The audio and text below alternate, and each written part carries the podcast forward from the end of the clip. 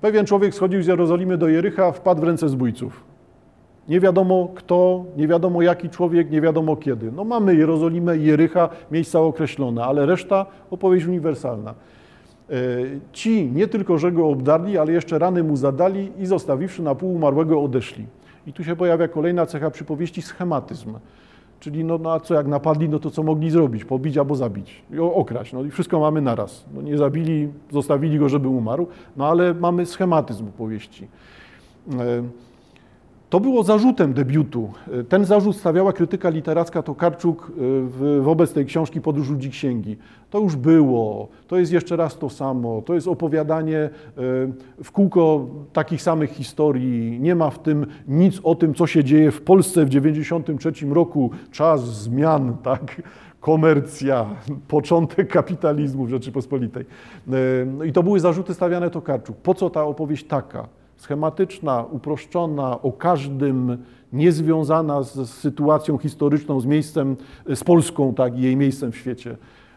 Konwencja taka sama. Zauważcie Państwo, że e, kolejne cechy mamy w tych prostych kilku, kolejne cechy paraboliczności, czy też właśnie pisania przypowieści, to samo, e, mamy w kolejnych zdaniach. E, pewien zaś Samarytanin, będąc w podróży, przechodził obok niego. Gdy go zobaczył, wzruszył się głęboko, podszedł do niego, opatrzył mu rany, zalewając je oliwą i winem. Potem wsadził go na swoje bydle, zawiózł do gospody i pielęgnował go. Następnego zaś dnia wyjął dwa denary, dał gospodarzowi i rzekł: Miej o nim staranie, a jeśli coś więcej wydasz, ja oddam tobie, gdy będę wracał. Któryż z tych trzech okazał się według Twego zdania bliźnim tego, który wpadł w ręce zbójców? To jest pytanie podsumowujące, które zadaje Chrystus uczonemu w prawie. I ten uczony w prawie odpowiada, ten, który mu okazał miłosierdzie, Jezus mu rzekł, idź i ty czyń podobnie.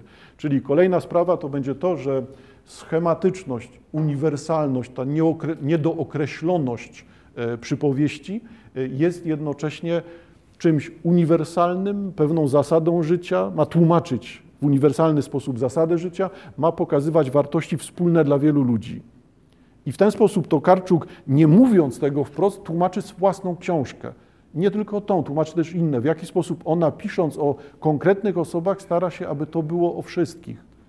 Żeby tego było jak najwięcej, żeby obejmowało to jak najwięcej ludzi, żeby czytelnik był każdym, nie konkretnym Polakiem w danym roku, w danym miejscu, tylko był człowiekiem doświadczającym świata. No i wszystko jedno wtedy, czy Francuzem, czy, czy Szwedem. Tak?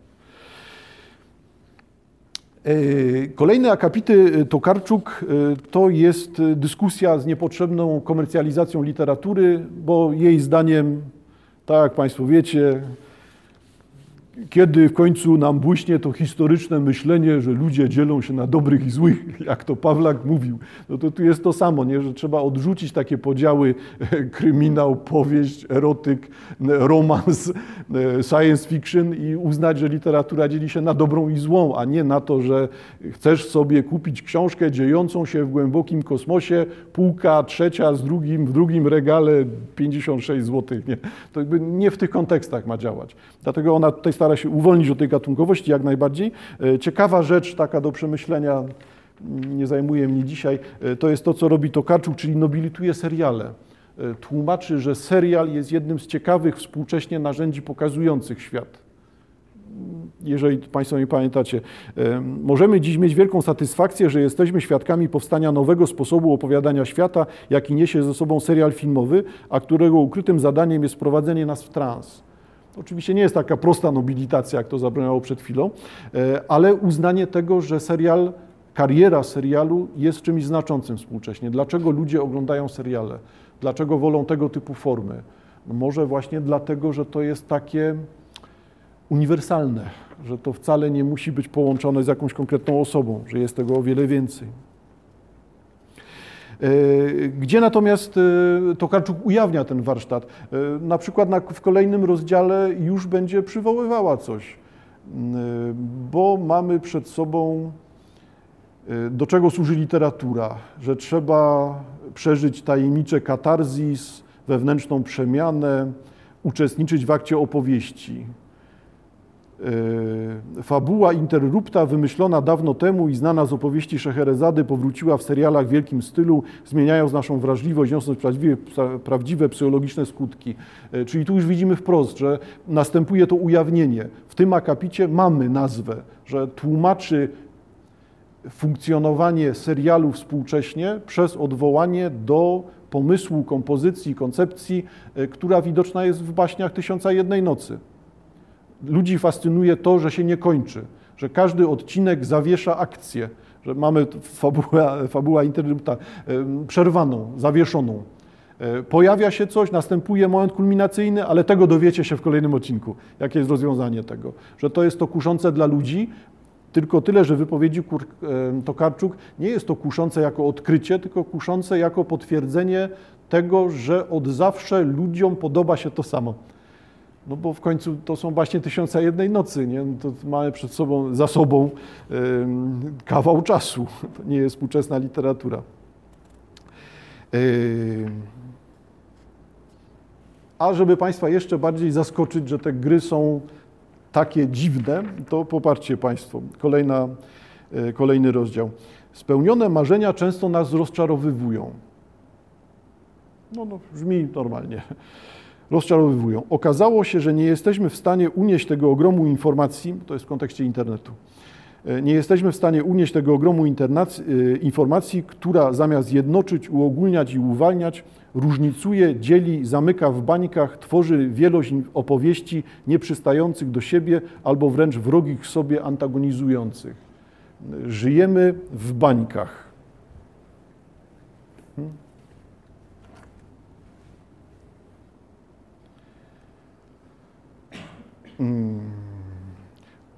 Utraciliśmy poczucie, cytuję tekst teraz, zaraz powiem co, o co chodzi.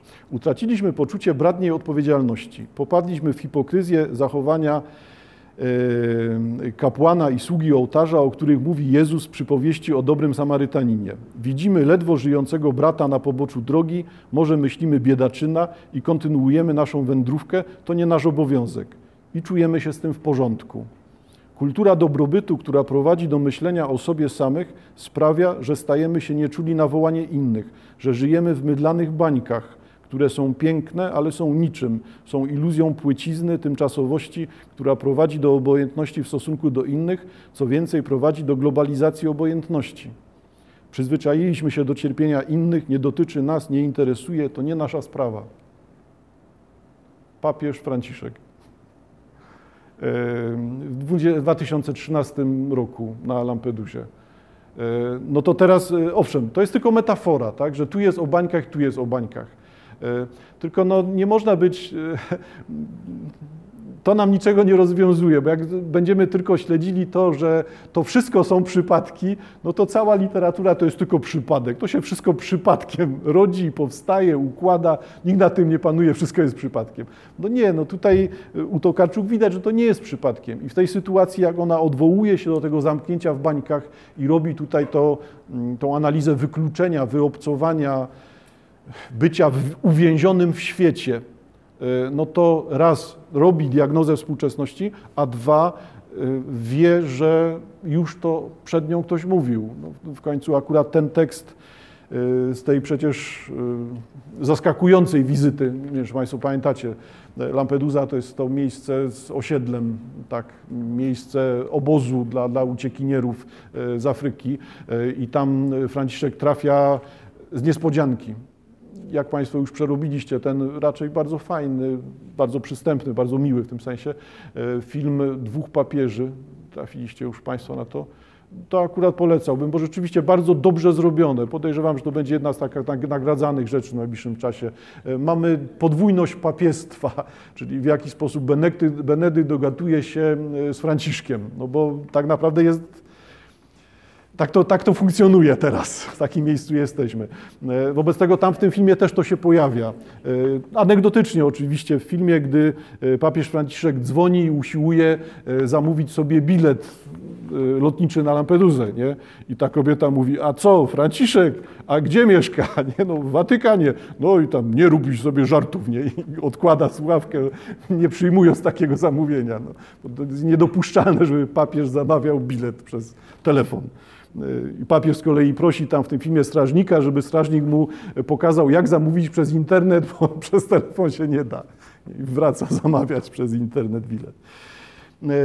Ciekawy sposób myślenia Zauważcie Państwo, że ja też oczywiście celowo, bo tak to jest zbudowane dzisiaj, celowo macie Państwo przed sobą tego miłosiernego Samarytanina jako przykład przypowieści. Pojawia się on tutaj też u Franciszka, wypowiedzi tej, którą cytowałem, bo okazuje się, że to wszystko jest zbieżne. Ta dyskusja po prostu jest zbieżna. Jak mówimy o współczesności, to się okaże, że bardzo często mówimy o rzeczach podobnych. Hmm? E, co jest tą refleksją taką, e, mnie uderzającą z tej wypowiedzi jeszcze Franciszka e, na Lampedusie. E, to, czego on zaczyna. Czwarte zdanie, dokładnie czwarte zdanie jego kazania. No to jest kazanie w końcu. E, czwarte zdanie jego kazania. Pragnę zwrócić, to jest sam początek, pragnę zwrócić moją myśl ku imigrantom muzułmańskim, którzy rozpoczynają post Ramadan, życząc obfitych owoców duchowych Kościół jest blisko Was w poszukiwaniu życia bardziej godnego dla Was i Waszych rodzin. Hmm? To jest coś, co w Polsce boli ludzi. Papież, który na samym początku kazania mówi wesołych świąt. No, to, to źle to brzmi oczywiście w tych kontekstach, no ale taka jest intencja. My też mówimy wesołych świąt do wierzących, niewierzących, czy będąc wierzącymi, czy niewierzącymi, tym się posługujemy. No a tutaj mamy głowę Kościoła chrześcijańskiego, katolickiego, która życzy wesołych świąt, bo właśnie zaczyna się ten czas. No, oczywiście to nie za bardzo pasuje, Ramadan nie polega na tym, że to jest czas wesołych świąt, no, no ale chodzi o to podejście, tak? że nie trzeba w to wierzyć, nie trzeba to nie jest wyznanie wiary. To jest jakby szacunek dla innego człowieka, a nie szacunek dla chrześcijanina, a dla niechrześcijanina nie ma szacunku. Nie? To nie na tym polega. Tutaj na samym początku pojawia się wyraźny, grzeczny, uznający wartość ukłon w stronę muzułmanów. No, to niczego, nikogo nie obraża, przynajmniej nie powinno obrażać. No, okazuje się, że to jest kłopotem. Nie? No jest kłopotem, e, bo teraz e, zauważcie Państwo, co jest następnym zdaniem. No może ja jednak to powiem. Następnym zdaniem, co ja zrobiłem? Zestawiłem Tokarczuk, a kim jest Tokarczuk? Lewicową komunistką, która tutaj znowu wymyśla swoje bzdurne nowe religie, tak? Co to, co to było? Ta nowa religia... Hmm no nie, pojawiło to się w dyskusji w ostatnim czasie. To podejście, nowa religia, która polega na tym nadmiernym szacunku do świata, który nas otacza. I to jest takim wyraźnym oskarżeniem tutaj wobec Tokarczuk, ale nie tylko e, wobec niej. E, no to teraz o czym ja mówię? No mówię o tym, że pomiędzy wypowiedzią Tokarczuk a wypowiedziami papieża e, ta zbieżność jest bardzo wyraźna. Tutaj nie ma różnicy ideologicznej to nie polega na tym, że to jest komunistka, a to jest e, papież katolicki. Nie polega to na tym. Obydwoje wychodzą z myślenia, e, z punktu, którym jest troska o świat. Motywują to w różny sposób, ale ten wspólny mianownik jest bardzo wyraźny i jest w tym miejsce dla jednej i dla drugiej strony. Y, Tokarczuk nie musi deklarować tego, że jestem katolikiem i wierzę we Franciszka i wszystko, co powie. Nie musi tego robić. Zajmują się tą samą sprawą. Troszczą się o świat. Wobec tego tą troskę wyrażają w różny sposób, ale to jest ta sama troska. I dlatego używają tych samych punktów widzenia, używają tych samych metafor, tych samych sądów. Bo tu akurat bym też się zawahał, czy Tokarczuk pisząca o zamykaniu się w bańce świadomie cytuje papieża. Nie, wcale tak nie musi być, ale ma ten sam punkt widzenia, tak, ten same, te same wartości przywołuje. To akurat jest istotne. E, potem Państwo zauważcie, a propos tego naszego dzisiejszego ciągu, e, gdy Tokarczuk pisze, że internet to coraz częściej opowieść idioty pełna wściekłości i wrzasku, no to nie musi pisać tego, że to Szekspir, no bo wszyscy wiedzą, tak. Świat jest opowieścią idioty, no. E, więc mamy Macbeth i tyle. Dobrze, odwołania do internetu, omawianie internetu, też ciekawa rzecz. Ciekawą rzeczą jest e, rodzaj takiej właśnie takiej figury, e, czy ja rzeczywiście muszę to tłumaczyć. Nie opowiem o tym i dlatego o tym mówię. Jest to rodzaj figury retorycznej. Spotykam się, Tokarczuk pisze o swoich doświadczeniach, nader często spotykam się z takim, z tym pełnym niedowierzania pytaniem, czy to prawda, co pani napisała? Za każdym razem mam wtedy wrażenie, że wieszczy ono koniec literatury. To pytanie. To niewinne z punktu widzenia czytelnika pytanie dla pisarskich uczu brzmi naprawdę apokaliptycznie. Cóż, cóż mam odpowiedzieć? Jak wytłumaczyć ontologiczny status Hansa Kastorpa, Anny Kareniny czy Misia Puchatka?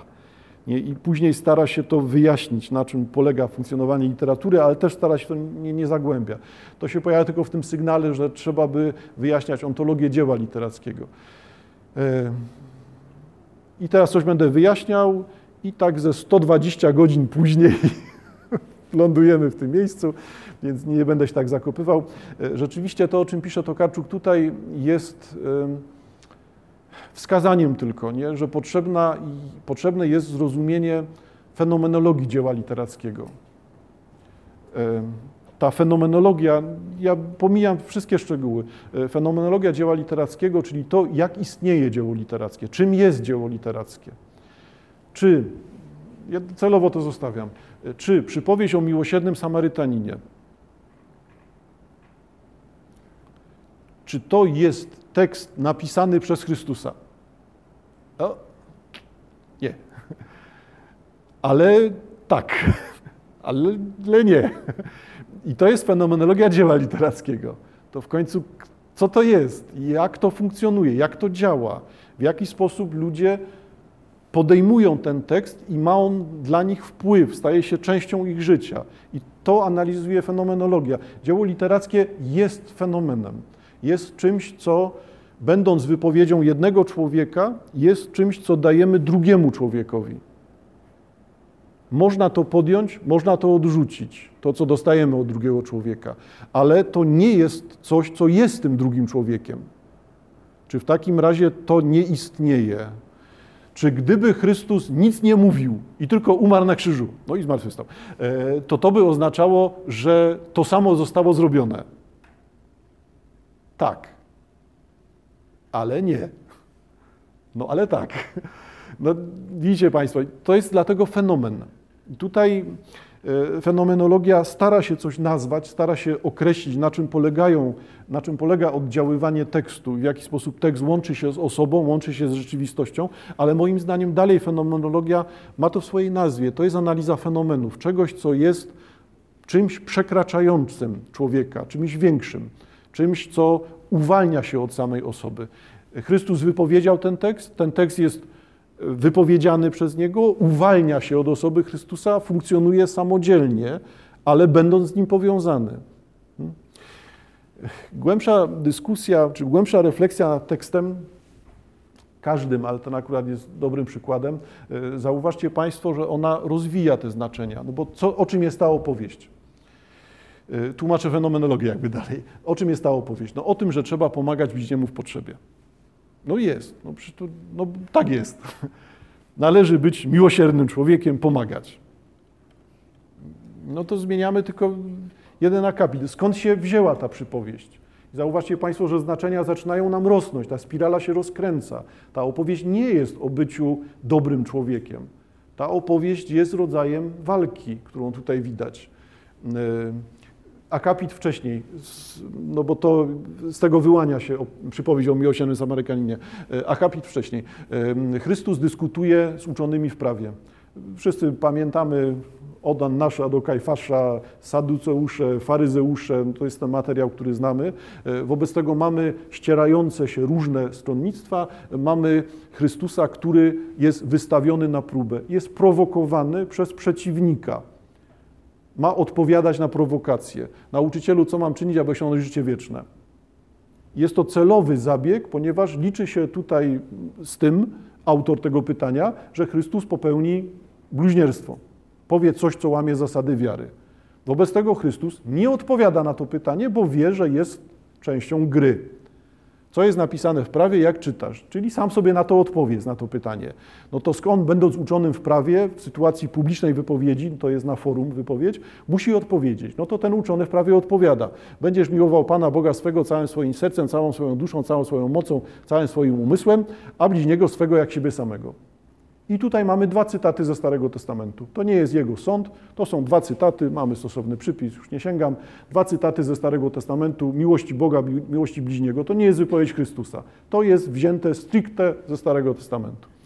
No to Jezus mu odpowiada, tego tutaj nie widać. Jezus odpowiada mu, no wiem, że bardzo sprytnie zacytowałeś mi dwa kawałki i żeby dać ci do zrozumienia, że sprytnie zacytowałeś, odpowiem ci cytatem to czyń, a będziesz żył, to jest cytat trzeci ze Starego Testamentu. Skoro ty mówisz do mnie cytatami, to ja do ciebie mówię też cytatami. Zauważcie Państwo, że teraz wyjaśnia nam się, na czym polega gra Tokarczuk. Ona ukrywa te cytaty, zmienia je, tasuje, pokazuje, daje do zrozumienia, że tak jest. Albo widzisz cytaty, albo nie widzisz cytatów. Jak nie widzimy tu cytatów, coś to zmienia? Nie, bo traktujemy to dalej jako wypowiedź sensowną. Ma ona dla nas znaczenie. Ale jak zaczynamy widzieć cytaty, no to te znaczenia zaczynają nam oddziaływać, rosnąć, wypowiedź się wzmacnia. E, no a uczony w prawie, chcąc się usprawiedliwić, dlaczego go tak prowokuje, dlaczego go pyta, zapytał Jezusa, kto jest moim bliźnim. No bo nie będzie pytał, kto jest Bogiem. No bo tu już jesteśmy znowu na skraju bluźnierstwa, tak? Żyd pytający, kto jest Bogiem, no to jest taki Żyd agnostyk. Nie wie, kto jest Bogiem. No i dlatego pyta, kto jest bliźnim. I teraz Państwo zauważcie, ta przypowieść nie jest przypowieścią e, o byciu dobrym człowiekiem, tylko to jest przypowieść e, antyklerykalna. Po prostu bardzo wyraźnie tutaj widać. Kto, to nie jest przypowieść, kto pomaga. Pomaga najgorszy. Najgorszy Samarytanin pomaga. Kto nie pomaga? Kapłan i lewita. I to jest brutalny atak, nie? to co tutaj widzimy. Ale przy pierwszej lekturze, bez tej świadomości powiązań, prowokacji, cytatów, kryptocytatów, no nie widać tego. Dlatego to y, jest rodzaj zwycięstwa, które tu widzimy. No Chrystus doprowadza do tego, że ten uczony w prawie musi powiedzieć publicznie, że kapłan i lewita są źli, a dobry jest Samarytanin, uważany za najgorszego. To jest odłam religii żydowskiej, uważany za nieczysty. Nie, nie zbliżamy się, nie rozmawiamy, nie zadajemy Samarytaniami. Trzeba się potem oczyszczać, składać ofiary, nikt tego nie chce robić. E, no więc tego Państwo zauważcie, e, to nie jest pomysł współczesny, takie myślenie o tekstach. On występuje od zawsze. Tylko tu jakby przez Tokarczuk jest rzeczywiście świadomie podejmowany jako rodzaj gry, jako rodzaj nie wiem czego pucla, jakiejś takiej dziwnej, dziwnej e, systemu e, zagadek, które nam zostawia, z którymi trzeba się e, zmagać, czy które, przez które trzeba się przebijać.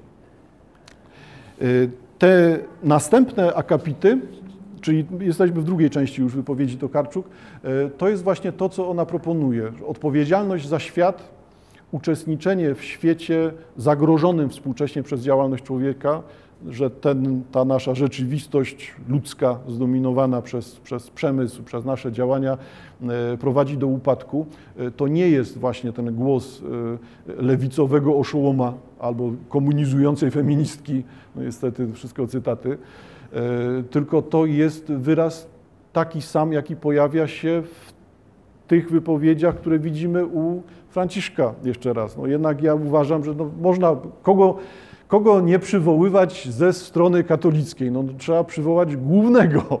No to przywołuje głównego. E, Laudato Si, czyli e, jedna z encyklik papieskich. E, oczywiście, że pisze on o duchowości chrześcijańskiej i będzie pisał o rodzinie chrześcijańskiej jak najbardziej, no bo o czym ma pisać? Przecież nie o innej. Ale to doświadczanie świata, które tutaj się pojawia,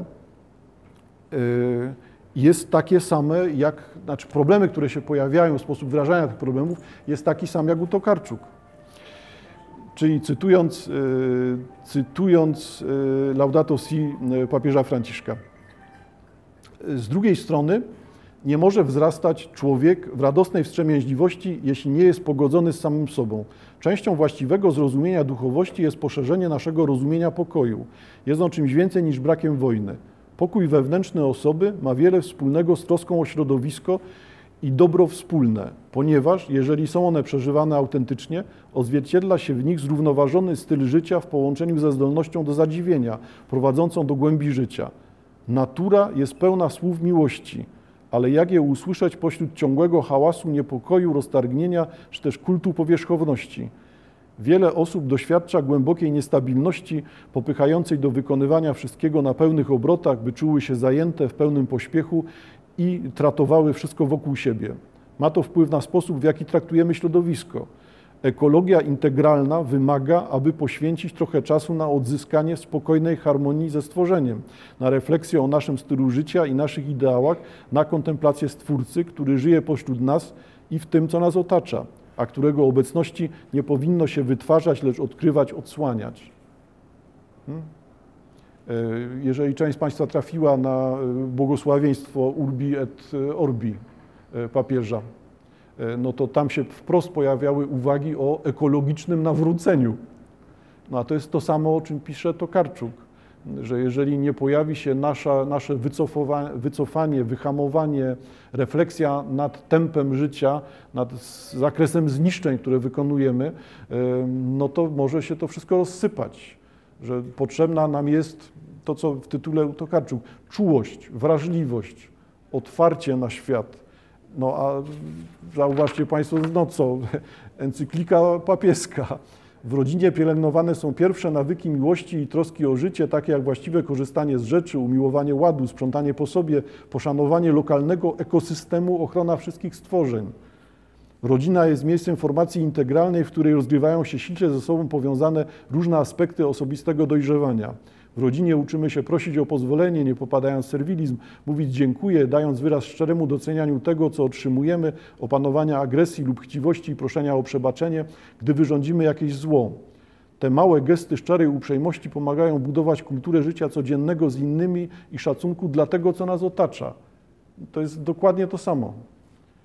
Właśnie dla mnie Interesujące jest to, że ta zasadnicza część wypowiedzi Tokarczuk, czyli chociażby te akapity, jeżeli Państwo pamiętacie, Tokarczuk dociera do tego, że to działalność człowieka zmienia świat, że e, epokę lodowcową w XVII wieku Tokarczuk stara się, to oczywiście jest tylko propozycja, nie, ale stara się wytłumaczyć zakresem śmierci e, w mm, Amerykach związanych z tym, że kilkadziesiąt milionów osób w XVI wieku umiera w wyniku przewiezionych przez Europejczyka zaraz. Europejczycy transportują wirusy. W wyniku tego mamy tak masową śmiertelność, że zmienia się ekosystem w Amerykach, bo nie ma kto uprawiać ziemi, nie ma kto z tego korzystać. Następuje zmiana w atmosferze związana z mniejszym wydalaniem e, dwutlenku węgla, więc efektem tej kilkudziesięciomilionowej śmierci jest epoka lodowcowa w XVII wieku. Czy to nas rzeczywiście nie obchodzi? No, możemy powiedzieć, nie obchodzi, bo w XVII wieku, no ale sobie Państwo przypomnijcie, że to dzięki temu Szwedzi do nas dotarli. No bo Bałtyk był zamarznięty przez bardzo długi czas, wobec tego bez problemu można było się tutaj dostać z armatami. Także dotyczy jednak. No, zaskakujące. Yy, Oczywiście, że nie trzeba zgadzać się z tym ekologizmem, tak? z, taką, e, z taką ilością podkreślania e, ekologii i tej naszej służebności wokół, wobec ekologii. E, nie trzeba, tylko tyle, że, kończąc, Tokarczuk stwierdza, ostatni rozdział. Piszę fikcję, ale nie jest to coś wyssanego z palca. Kiedy piszę, muszę wszystko czuć wewnątrz mnie samej. Muszę przepuścić przez siebie wszystkie istoty, przedmioty obecne w książce. Hmm? To jest jednocześnie jej próba odpowiedzi, y, czy jeszcze raz określenia tego, czym ona się zajmuje. Y, chodzi o to, żeby opisywać świat, chodzi o to, żeby komentować świat, żeby ten świat był dyskutowany, żeby niczego nie przyjmować na wiarę. Hmm? Bo nie da się przyjmować niczego na wiarę. Wróćmy jeszcze raz do tego. Miłosierny Samarytanin. To to Chrystus powiedział, czy nie powiedział? No a kto to napisał? Y, no ewangelista. Ale który ewangelista? No bo niestety przestaje to wszystko działać. Wystarczy odrobina refleksji i okazuje się, że to wszystko wymaga od nas zaangażowania, że to nie są proste recepty, że najgorszą sprawą jest usłyszeć, zrobisz punkt pierwszy, drugi, trzeci i wszystko będzie dobrze na świecie. Nic z tego nie działa, po prostu to nie funkcjonuje w taki sposób. Na marginesie tego, ewangelistów niby jest czterech, tak? No ale w rzeczywistości dwóch. Jest oryginalność świętego Jana, a pierwsze trzy Ewangelie są napisane na podstawie jednej wcześniejszej Ewangelii, która się nie zachowała. Czyli mamy wcześniejszą Ewangelię, którą trzech ludzi przepisuje i tych trzech przepisujących ludzi, e, Mateusz, Marek, Łukasz, nie są apostołami. Po prostu nie są. Oni przepisują coś. Czy pierwszą Ewangelię napisał apostoł? A kto to wie? Czy święty Jan jest apostołem? Tradycyjnie uważa się, że tak, ale zdaje się, że nie. No, po prostu to wszystko się zaczyna rozsypywać. E, a poza tym, nie wiem, czy Państwo docieracie do tego, gdybyśmy tak bardzo prosto patrzyli nawet na Ewangelię, no to co? To Chrystus ma za sobą stale kogoś, kto chodzi i zapisuje. Dziś Chrystus pobawił się z dziećmi. Siedzieli pod oliwką, dzieci było cztery. Nie? No to, to, a taki poziom szczegółowości występuje w Ewangeliach, ale skryba nie występuje. Wobec tego skąd biorą się te opowieści? Nie wiemy. Czy to podważa wartość tych opowieści? Nie. Tylko to podważa wartość prostych rozwiązań. Tak, że Chrystus rzekł i wszystko ma być jasne. No nie, nie, nie jest jasne. Nie? nie na tym polega odpowiedzialność. Nie można tak prosto uznawać wyższości pewnych sądów, wyższości pewnych wartości. Są inne zdania. To, co Państwo przed chwilą słyszeliście, od czego zaczyna e, papież Franciszek? Od tego, że no, szacunek dla muzułmanów rozpoczynających Ramadan, a nie od tego, teraz się przygotowujcie do kolejnych świąt katolickich, bo to jest jedyna wartość. No, to nie, nie działa w taki sposób. Czy wyczerpałem Tokarczuk? Nie. Czy ta bibliografia mogła być o wiele większa? Mogła być. Na pewno można dodać tutaj wiele więcej rzeczy. Może radziłbym tylko jednak czytać, bardziej niż słuchać, ponieważ też y, zrobiłem jedno i drugie. Wysłuchałem i przeczytałem. No, okazuje się, że w wysłuchaniu jednak jesteśmy niesieni przez głos, przez intonację, przez kontakt z osobą. Bardzo wiele wtedy rzeczy y, odwraca naszą uwagę. Jesteśmy bardziej skupieni na tym przekazie pozawerbalnym, na tym, co to za osoba do nas mówi, w jaki sposób to mówi. E, a jak się ogląda sam tekst, to okazuje się, że zawsze można zatrzymać się, wrócić, przeczytać trzy razy, pomyśleć, wrócić trzy strony wcześniej, no i, i wtedy rodzi się właśnie ta lektura, którą ja proponuję, która jest u Tokarczuk. I tak oto nagle mamy półtora godziny e, pochwał dla Tokarczuk, bo to trzeba tak uznać. E, warto na pewno to przeczytać, tylko sami Państwo zobaczycie. Powieści Tokarczuk, jedne będą Wam się podobały, inne nie. Jed, będzie Was to dzieliło. Niektórzy będą woleli podróż ludzi księgi, a inni będą woleli e, księgi Jakubowe. No, bo to są bardzo różne rzeczy. To nie oznacza że złe i dobre, nie? tylko bardzo różne i może to jest też jedna z motywacji. E, dlaczego Herbert nie dostaje Nagrody Nobla? Bo nie jest tak znany. Dlaczego Miłosz dostaje Nobla? Bo jest przystępny, bo jest dla wielu ludzi, bo jest dla katolików, dla protestantów, dla muzułmanów, e, dla ateistów. Miłosz wszystkim tutaj może odpowiadać. I podejrzewam, że u Tokarczuk jest ta sama sprawa. Ona jest tak różna, że może odpowiadać tak szerokiemu wachlarzowi czytelników, co jest tylko zasługą, bardzo dobrze. Także czytajmy książki.